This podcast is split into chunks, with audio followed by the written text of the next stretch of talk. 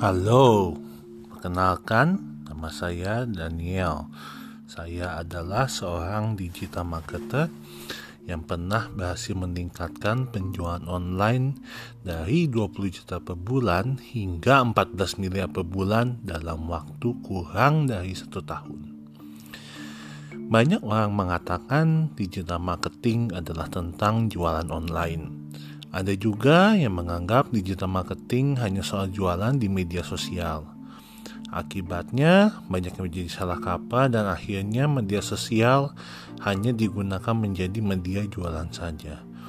Padahal, digital marketing tidak sesimpel itu. Coba Anda bayangkan, seandainya media sosial Anda dipenuhi hanya foto, harga, dan spesifikasi barang jualan saja dan Anda melihatnya tiap hari. Tentunya sangat membosankan, bukan? Anda seperti berada dalam toserba dan Anda hanya berkeliling-keliling saja melihat-lihat barang. Padahal tujuan utama media sosial adalah membangun koneksi dengan saudara, teman, dan relasi Anda. Mungkin banyak di antara kita sudah meluangkan waktu untuk mengikuti seminar digital marketing, membayar sejumlah uang untuk belajar digital marketing secara sungguh-sungguh, namun sayangnya tidak mendapatkan ilmu apa pun.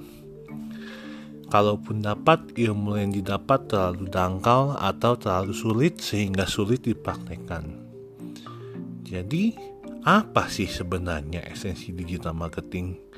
Jawabannya telah saya sebutkan tadi. Anda harus membangun koneksi sesuai dengan tujuan dari media sosial pada awalnya. Tentu Anda bertanya-tanya, mengapa saya harus membangun koneksi? Apa pentingnya? Untuk menjawab pertanyaan tersebut, saya akan menceritakan sebuah studi kasus. Anggaplah Anda bertemu dua orang, sebut saja A dan B.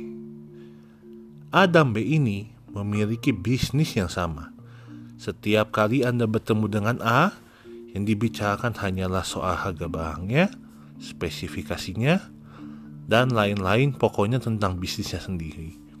Tentunya sangat membosankan, bukan? Oke, sekarang kita beranjak ke B. Setiap kali mengobrol dengan B, Anda dapat mengobrol dengan enak.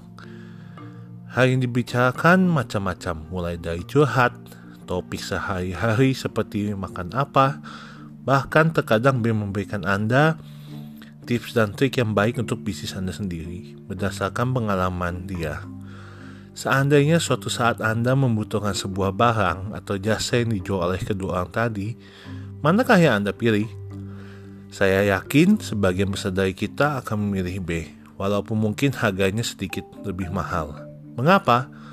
Karena antara Anda dan B telah terjadi sebuah koneksi se sebuah pertemanan.